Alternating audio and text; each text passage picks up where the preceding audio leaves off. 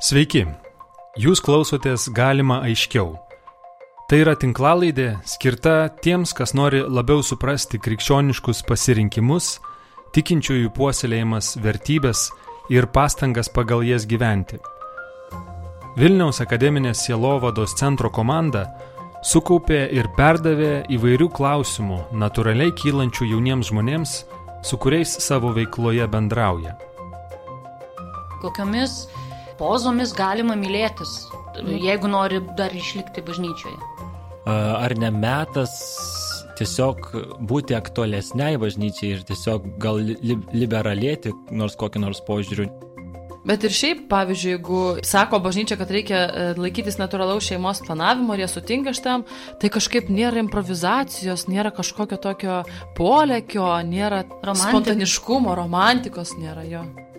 Ar bažnyčia kaip Sovietų sąjunga sako, kad kiek buvo naktelių, tiek turi būti vaikelių, ar vis dėlto, kalbant apie seksą, yra galimas ir moralus, e, nežinau, malonumas kaip, kaip, kaip tikslas?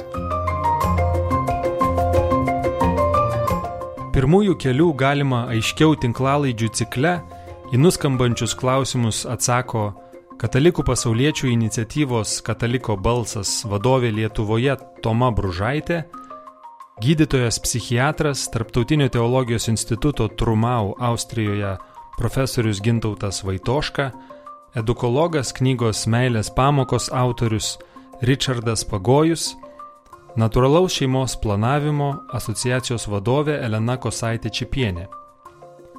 Šios tinklalaidės vyraujanti tema ir bus apie natūralų šeimos planavimą, apie santuoką, apie seksą, kontracepciją. Kviečiu klausytis. bažnyčioje dažnai sako, kad seksas tai nėra tik tai lytinis aktas, tai yra tavo ir smegenys, ir tavo protas, ir tavo širdis, tai yra tavo dvasia pajungta tenai. Tai kad tai nėra tik tai fizinis veiksmas. Tai vad kaip čia tai suprasti? Kas, ką čia reiškia? Prasme, kur čia, nu jeigu tai tiesiog du žmonės susijungia fiziškai, tai kur čia ten dvasia kažkokia?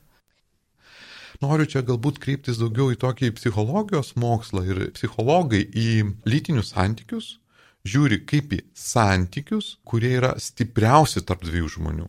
Tai yra, kad nėra stipresnio reiškinio, kuris du žmonės gali taip stipriai paveikti kaip lytiniai santykiai. Todėl čia nėra vien tik tai krikščionybės išradimas ar, ar čia kažkokia nu, nuo lūbų nukabinta iš tiesų, tai yra psichologijos mokslas tą patvirtina. Beje, įdomu tai, kad žodis seksas yra kilęs iš latiniško žodžio sekare.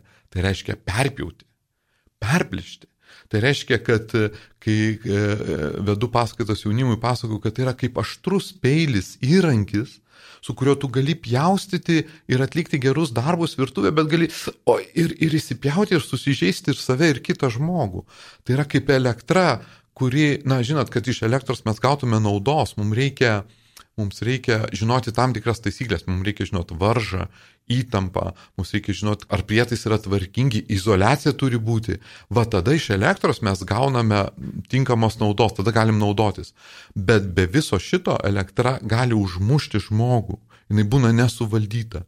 Tai lygiai taip pat yra lytiniai santykiai, jie yra tokia stipri jėga, kuri jinai gali, na, sužeisti žmonės Ir e, beje noriu pasakyti, kad mano požiūris į lytinius santykius yra labai teigiamas. Aš negalvoju, kad tai yra žema, nedora, gyvuliška. Ne, ne, ne, atvirkščiai, aš manau, kad tai yra ir dora, ir negyvuliška, ir labai žmogiška, ir labai svarbu, bet tai yra labai galinga jėga. Štai kodėl ją reikia saugoti, ją reikia branginti ir ją žinoti tam tikras ribas ir taisyklės, kaip a, Denisas Prageris savo straipsnėje Seksas ir kultūra jis pasakė, kad seksas yra džinas, kurį reikia uždaryti santokos butelį. Tai yra tokia jėga didelį įsiveržinti, kurią reikia būtinai laikyti santokos butelyje. Čia reikėtų gal pradėti nuo to, kad bažnyčios mokyme žmogus yra matomas ir suprantamas kaip kūno ir sielos vienovė. Tai reiškia, kad kūnas nėra tik tai mūsų drabužis, kuris išvilktas ant sielos tam kartui, kol mes čia gyvename žemėje, bet tai reiškia, kad mes esame žmonės ir esame kūnai. Ir tai, ką mes darome su savo kūnu, mes iš tiesų darome ir savo dvasia, savo sielą tai. Ir tai ypatingai atsiskleidžia būtent lytiniuose santykiuose, kad tai yra ne tik biologinis kažkoks e, kūniškas, fiziologinis veiksmas, bet tai traukia visą žmogų, jo psichologiją, jo, jo sielą ir jo kūną. Ir mes tuose intimiuose santykiuose savo kūnų kalbame tai, ką mes norime savo sielą pasakyti. Kitaip sakant, Jonas Polius II labai gražiai tai pavadino, kūnas turi savo kalbą. Ir toji kalba yra būtent ta intimi sielos kalba. Ir lytiniuose santykiuose mes kalbame tą kalbą.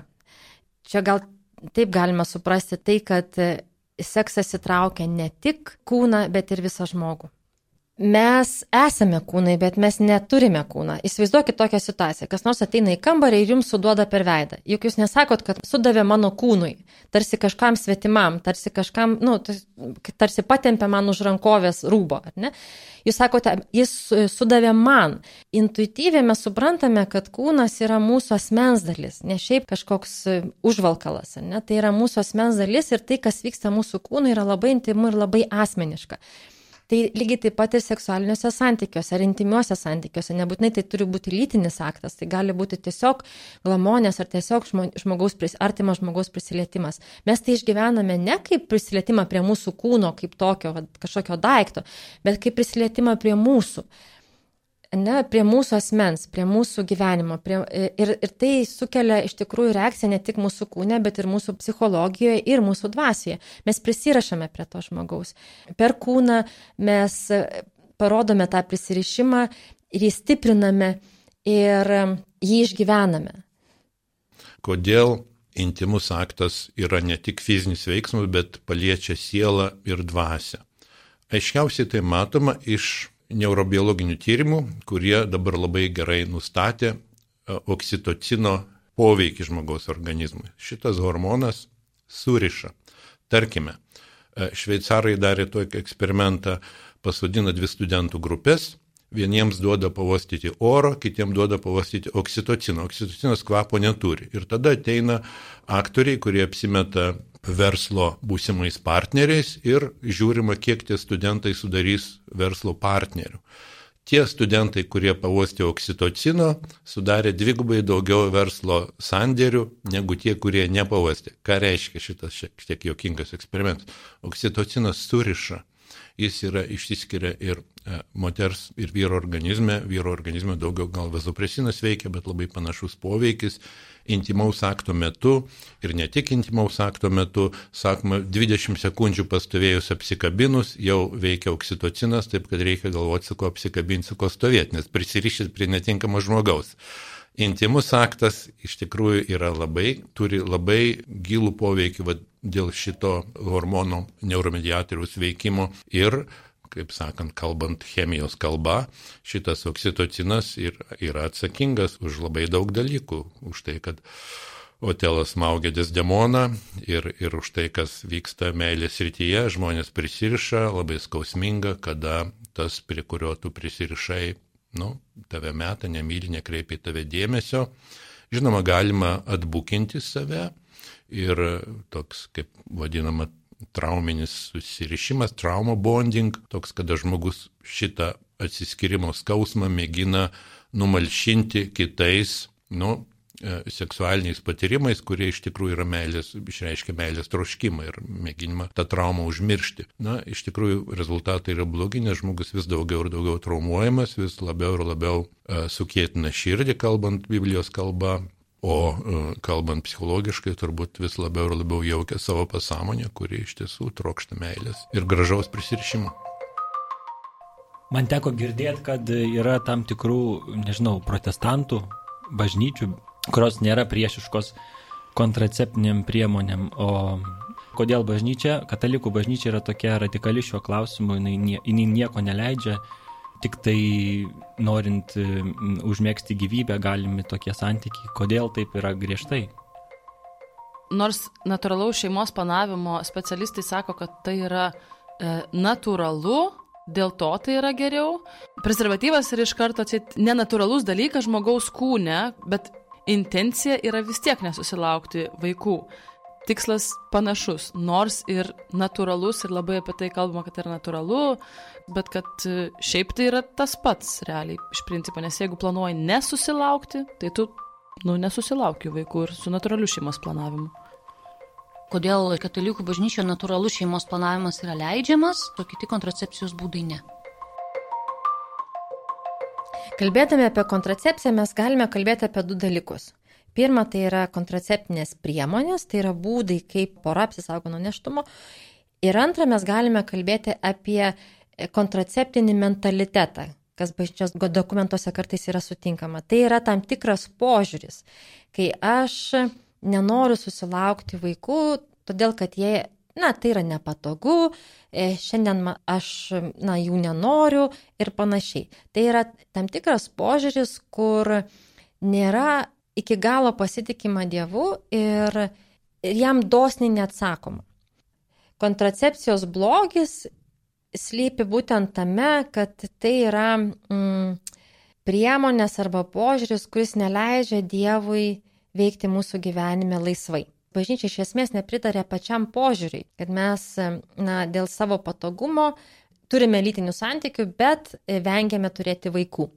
Čia reikėtų dar pridėti, kad bažnyčia nepritarė požiūriui, kad na, turime turėti tiek vaikų, kiek kartų lytinių santykių turėjome. Ne. Bažnyčia kalba apie atsakingą tėvystę arba atsakingą motinystę. Tai reiškia, kad mes turime protingai apgalvoti, ar mes galime turėti vaikų. Ir jeigu yra priežasčių, kodėl pora labai objektyviai šiuo momentu negali turėti, negali susilaukti vaikų, ar tai būtų lyga, ar tai būtų finansinė situacija, ar tai būtų tam tikros kitos gyvenimo aplinkybės, bažnyčia neprieštarauja tam vaikų atidėjimui ir nedraudžia lytinių santykių nevaisingais e, periodais.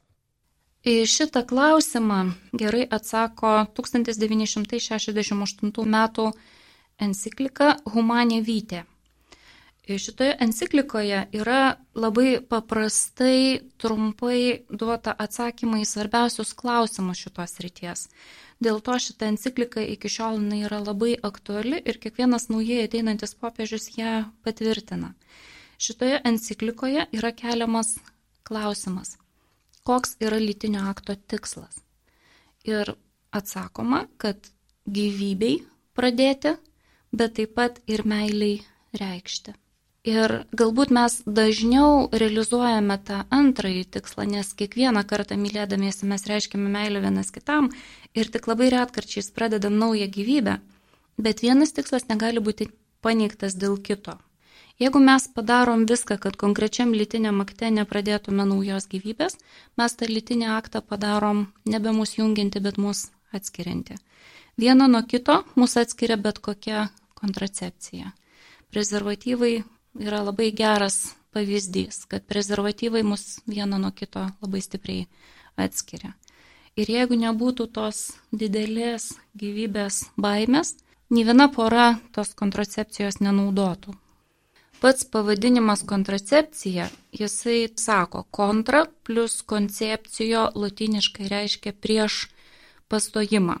Natūralus šeimos planavimas niekaip nėra nukreiptas prieš pastojimą. Jis atvirkščiai gali būti skirtas pastoti. Natūralus šeimos planavimas yra savo vaisingumo pažinimas. Ir kai mes kaip pora pažįstame, kada esame vaisingi ir kada esame nevaisingi, mes tas žinias tiesiog pritaikom savo tikslams. Tikslai šitoje vietoje gali būti du - pastoti arba nepastoti. Bažnyčia iš tikrųjų skatina natūralų šeimos planavimą, pritarė jam, e, bet sako, kad tikinčiam žmogui kontracepcija nėra tinkamas pasirinkimas. Ir labiausiai todėl, kad kai žmonės naudoja kontracepciją, jie samoningai savo aktyviais veiksmais patys kiekvieną lytinį aktą padaro nevaisingą. Taip tarsi nuo jų priklausytų gyvybė žmonės, kurie gyvena pagal natūralaus šeimos planavimo principus, jie nedaro nieko, kad kažkaip lytinį aktą padarytų nevaisingą. Jie tik naudojasi tuo, kad lytinį aktą nevaisingą padaro Dievas. Mus sukurdamas taip, kaip jisai sukūrė, kartais vaisingus ir kartais nevaisingus. Čia dabar reikėtų pasakyti apie tą natūralumą ir nenatūralumą. Kai žmonės gyvena pagal natūralų šeimos planavimo principus, kiekvienas jų lytinis aktas yra visiškai atviras. Atviras ta prasme, kad kai mes einam į santyki, mes vienas kitam labai aiškiai esam atsakę. Jeigu vaikelis šitame akte prasidėtų, mes jį priimtume besąlygiškai. Ir čia yra labai svarbus, galbūt netgi psichologinis momentas, ne tik tai moralinis.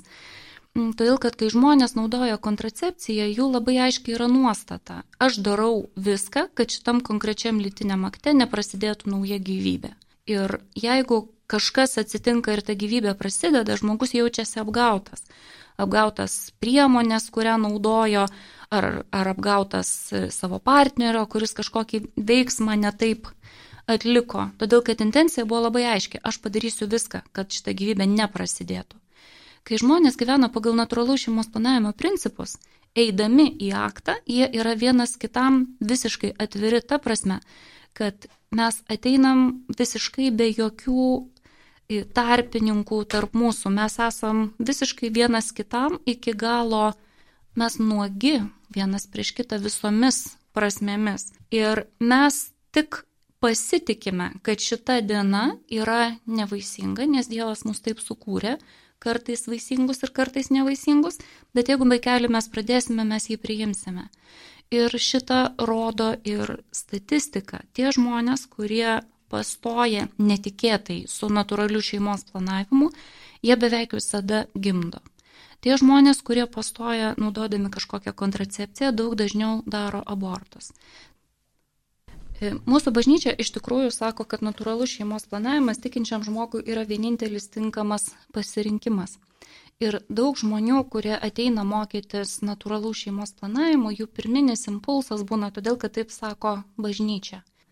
Bet labai daug porų liudyja, kad vėliau, kai prie šito gyvenimo būdo pripranta, jie mato gerokai daugiau privalumų negu tik tai tai, kad bažnyčia taip liepia. Viena pora, kai aš jau kalbėti, manęs paprašė perduoti tokį sakinį. Sako, net jeigu dabar bažnyčia pasakytų, kad kontracepciją naudot yra galima, net jeigu pats popiežius šitą viešai pasakytų, mes vis tiek gyventume tik pagal natūralaus šeimos planavimo principus. Todėl, kad mūsų šeimai tai yra labai gerai. Pora gyvenanti santokoje e, laikosi natūralaus šeimos planavimo, bet, pavyzdžiui, vyras e, fiziškai yra sukurtas e, visada norėti mylėtis. Tai pavyzdžiui, ką daryti vyrui tuo atveju, jeigu jam norisi, ta prasme, kaip jam fiziškai išgyventi šitą momentą. O kaip elgtis moteriai, jei mylėtis nevaisingų jos periodų noro nėra potraukis lytiniam aktui yra tik tai tada, kai yra vaisingas laikotarpis. Tai kaip jai nesugadinti santykių, kaip fiziškai ištverti šitą laiką. Bet ir šiaip, pavyzdžiui, jeigu sako bažnyčia, kad reikia e, laikytis natūralaus šeimos planavimo ir jie sutinka šitam, tai kažkaip nėra improvizacijos, nėra kažkokio tokio polėkio, nėra Romantik. spontaniškumo, romantikos nėra jo. E, visų pirmiausia, aš niekaip neakcentuočiau, kad vyras visada pasiruošęs ir visada nori lygiai sėkmingai moteris irgi nori mylėtis su savo vyru. Moteris irgi jaučia tame džiaugsmą ir jaučia tame malonumą. E, aš tai visą laiką geriau kalbėčiau apie porą, ko porai norisi. E, pora sutarė ir jeigu jų, tarp jų yra santykis ir vyras ir moteris nori mylėtis. Dabar, ką daryti, jeigu norisi? Čia kalba eina apie susilaikymą, ar susilaikimas yra e, blogai, ar susilaikimas yra neįmanomas ištverti, tai reikia atkreipti dėmesį, kad mes žmonės gyvendami visuomenėje, mes nuolatos susilaikome nuo lytinių santykių. Tai reiškia, kad mes negalime savo lytinio poreikio, e, noro, troškimo, geismo realizuoti bet kada ir su bet kuo mieste, su kokiu nors svetimu žmogumi, mes nuolat esam priversti susilaikyti. E, natūralus šeimos planavimas, tą susilaikymą, jisai tiesiog truputėlį kitaip išdėlioja. Jeigu mes priimame sprendimą, kad mes dabar norime atidėti vaikelio pradėjimą, tam tikri laikotarpiai tas susilaikimas yra tiesiog truputėlį ilgesnis. Ir mes žmonės, mes vieną turime nuostatas, kitą mūsų nevaldo tik instinktai, tik tai hormonai. Mūsų valdo smegenys ir smegenys mums leidžia šitą laikotarpį kitaip išgyventi. Ir tai visiškai nereiškia, kad tas laikotarpis, susilaikymo laikotarpis, jis turi būti kažkokios kančios laikotarpis, kentėjimo, visiškai ne.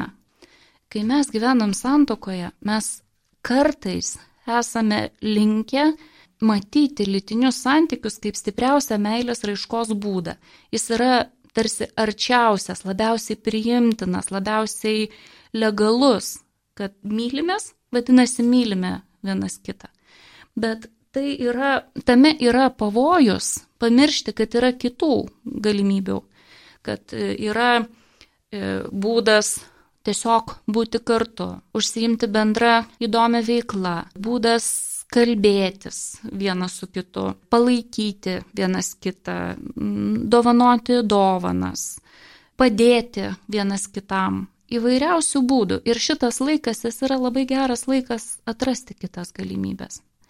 Dabar ar tiesa, kad moteriai nevaisingojų laikotarpių nėra noro mylėtis? Tiesa yra ta prasme, kad tikrai vaisingojų laikotarpiu moters kūnas gamina hormonus, kurie tuo gyvūniškuoju lygmeniu, instinktų lygmeniu mums sako, kad mes labiau norime mylėtis. Bet mes niekaip nesame tik tai gyvūnai. Mes taip pat turim protą, mes turim sąmonę ir kitaip visai tą išgyvenam. Ir jeigu mes atsiduotume tik tai instinktams, tai taip ir būtų, kad mes kaip žmonės, mes mylėtumėmės tik tai vaisingojų laikotarpių, kaip ir visi kiti gyvūnai. Gyvūnai nevaisingojų laikotarpių nesimylė. Bet mes, mūsų protas įsijungia ir mes, galbūt tai yra ne tik tai protas, tai yra Dievo dovana, kad mes norime mylėtis ir nevaisingojų laikotarpių. Ir aš kai mokau žmonės natūralaus šeimos planavimo ir kai aš matau, kaip jiems sekasi gyventi, labai aiškiai matau, kad jeigu žmonės vaisingojų laikotarpių susilaiko nuo lytinių santykių ir jeigu tarp jų yra geras santykis, jeigu jie e, myli vienas kitą, palaiko vienas kitą, atėjus nevaisingajam laikotarpiu, moteriai nebūna nenoro mylėtis. Moteris lygiai taip pat kaip ir vyras laukia vaisingai laikotarpį, lygiai taip pat jinai atideda savo ilgesį, norą susijungti su savo vyru ir atėjus nevaisingam laikotarpiu tas ilgesys yra realizuojamas. Ir tada lytiniai santykiai teikia ypač didelį džiaugsmą, nes tai yra grįžimo vienas prie kito džiaugsmas, tai yra suartėjimo džiaugsmas. Tai yra didelis džiaugsmas dar ir todėl, kad tu per susilaikymo laikotarpį tu aiškiai supranti ir pajunti savo kūnu, kad tau tai yra svarbu, atsisakydamas lytinių santykių tam tikram laikotarpiu, tu labai aiškiai pajunti, kad tau jie yra svarbus. Ir aš netgi atvirkščiai sakyčiau, kad moteris, kurios e, šiaip jau nevaisingojų laikotarpių nenorėtų mylėtis, susilaikydamos vaisingojų laikotarpių, nevaisingų laikotarpių jos kur kas labiau nori mylėtis. Ir dabar, jeigu kalbant apie improvizaciją ir polėkį, aš atvirkščiai sakyčiau, kad natūralus šeimos planavimas yra kur kas daugiau jame improvizacijos, polėkio, e, romantikos.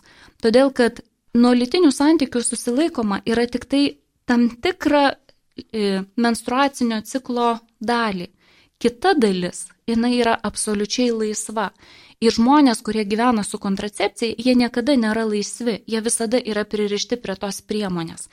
Tarkim, žmonės, kurie e, naudoja prezervatyvą, jie visada yra pririšti visų pirma, kad ta priemonė turėtų, kad jie tinkamu metu išsitrauktų, kad jie tinkamai panaudotų, po lytinio akto jie turi atsitraukti vienas nuo kito, kad nebūtų mm, pavojaus, e, kad pastos ir panašiai. Kai mes gyvenam pagal natūralų šeimos planavimą, tuo laikotarpiu, kai mes esame nevaisingi, mes esame absoliučiai vienas kitam atviri ir galime daryti vienas kitam teikti džiaugsmą, kaip tik tai mums atrodo. Visiškai negalvodami apie tai, kad esame pririšti prie kažkokios priemonės, prie kažkokio e, veiksmo, vienaip ar kitaip turime elgtis. Spontaniškumas yra kur kas didesnis. Kokiomis e, pozomis galima mylėtis, Nu. jeigu nori dar išlikti bažnyčioje. Kokios sekso pozos yra moralios ir kurios nėra nuodėmingos? Nėra oralinis seksas e, tarp e, susituokusiųjų yra leistinas. Čia yra įsivaizdavimas, kad bažnyčia kažkokias pozas nustato. Visas mūsų kūnas yra geras ir gražus. Dievas sukūrė mūsų visą kūną. Ir nėra tame kūne kažkokių gražesnių vietų ir mažiau gražių vietų. Moralesnių vietų ir mažiau moralių. Ir jeigu mes mylim vienas kitą tokį, kokį Dievas sukūrė, visas kūnas yra geras ir visa tai, ką mes vienas kitam tais kūnais teikiame, yra gera, moralu ir nėra nuodėminga. Ir jeigu mes vienas kitą mylime ir vienas kitą liečiame, kodėl mes turėtume liesti tik tai tam tikras kūno vietas, o tam tikrų kūno vietų neliesti. Jeigu tai yra tarp susituokusiųjų ir tai yra iš meilės, tame nė- nėra nieko blogo. Ar bažnyčia kaip Sovietų sąjunga sako, kad kiek buvo naktelių, tiek turi būti vaikelių, ar vis dėlto, kalbant apie seksą, yra galimas ir moralus, e, nežinau, malonumas kaip, kaip, kaip tikslas? Malonumas yra labai svarbus dalykas. Malonumas yra susijęs su meile. Būdami vienas su kitu mes iš principo jaučiam džiaugsmą, jaučiam šilumą ir jaučiam malonumą. E, Kūniškuose santykiuose kūnas jis yra skirtas liesti. Lietimas jisai savaime teikia malonumą. Todėl seksas be malonumo yra prastas seksas. Bažnyčia nesako ir niekada taip nesakė, kad lytiniai santykiai turi būti tik dėl gyvybės pradėjimo. Lytiniai santykiai jie yra labai svarbus poros tarpusavio santykiui, meiliai reikšti vienas kitam. Ir meilę mes reiškiame kur kas dažniau negu pradedame vaikus. Apskritai, e, pasaulis keičiasi, visuomenės keičiasi. E, Mes daug jau moksliškai ir technologiškai esam pasiekę, labai skiriamės nuo prieš šimtą metų gyvenusių žmonių, o bažnyčia vis dar tvirtai yra įsikibusi savo m, tokias savokas kaip skaistumas, ten susilaikimas, e, ar ne metas tiesiog būti aktualesniai bažnyčiai ir tiesiog gal li liberalėti nors kokį nors požiūrių, nes akivaizdu, kad visi skandalai kyla iš to, kad turbūt yra laikomasi senų atgyvenusių principų. Ar bažnyčia turėtų liberalėti? Na, aš klausiu, kodėl, o kam jie liberalėti? Pirmiausia, mes turime pasižiūrėti, apie ką kalba bažnyčia. Ji kalba iš tiesų apie principus, kurie negali pasenti ir jie negali atgyventi. Nes ji kalba pirmiausia apie tai, kas yra, na, iš esmės amžina ir bus tiesa tol, kol žmogus bus ant žemės. Na, pavyzdžiui, apie žmogaus orumą kalba, kalba apie e, dorybės. Nesvarbu kokiam laikmetį, nesvarbu kur žmogus gyvens, visa tai vis tiek na, bus aktualu ir bus naudinga pačiam žmogui. Taigi bažnyčios na, tie principai, kurių jį laikosi, jie nesensta ir jie net gyvena. Todėl na, nėra priežasties bažnyčiai jų keisti ir kažkaip liberalėti šiuo atžvilgiu. Gal taip sakykime, visai, visais amžiais žmonės mylėjo. Visais amžiais žmonėm, žmonėm reikėjo draugystės. Ir tai yra toksai, na, labai esminis mūsų poreikis. Ir bažnyčia pirmiausia kalba apie tai. Apie tai, kaip mylėti, kaip tą meilę parodyti. Čia, na, pirma ir pagrindinė bažnyčios žinia. E, tai ar tai sensta? Tai nesensta. Tai yra amžina ir visada žmogui svarbu. Tiesa, kad keičiasi visuomenė ir tiesa, kad mes žmonėje, mes vis daugiau pažįstam, mes vis daugiau atrandam, mes taip iš tikrųjų technologiškai tobulėjam ir panašiai, bet mes žmonės, mes nesikeičiam. Tokie, kokie mes esame, mes prieš šimtą metų buvome tokie patys, prieš tūkstantį metų mes buvome tokie patys, tokie, kokie mes Dievo esame sukurti. Ir tie dalykai, jie yra vienodai svarbus. Meilė yra vienodai svarbi. Meilė, jinai niekaip nesikeičia. E, labai įdomus buvo tyrimas darytas Vokietijoje. Aš pernai dalyvavau tokiame kongrese, kur vienas profesorius vokietis pristatė tyrimą, jis apklausė labai daug jaunų Vokietijos žmonių, didmeščių gyventojų, kas jiem yra svarbiausia. Lytiniai santykiai, dar kažkokie kiti dalykai. Ir viso to tyrimo atsakymas buvo, kad jauniems žmonėms yra svarbiausia meilė yra svarbiausias ryšys su kitais žmonėmis.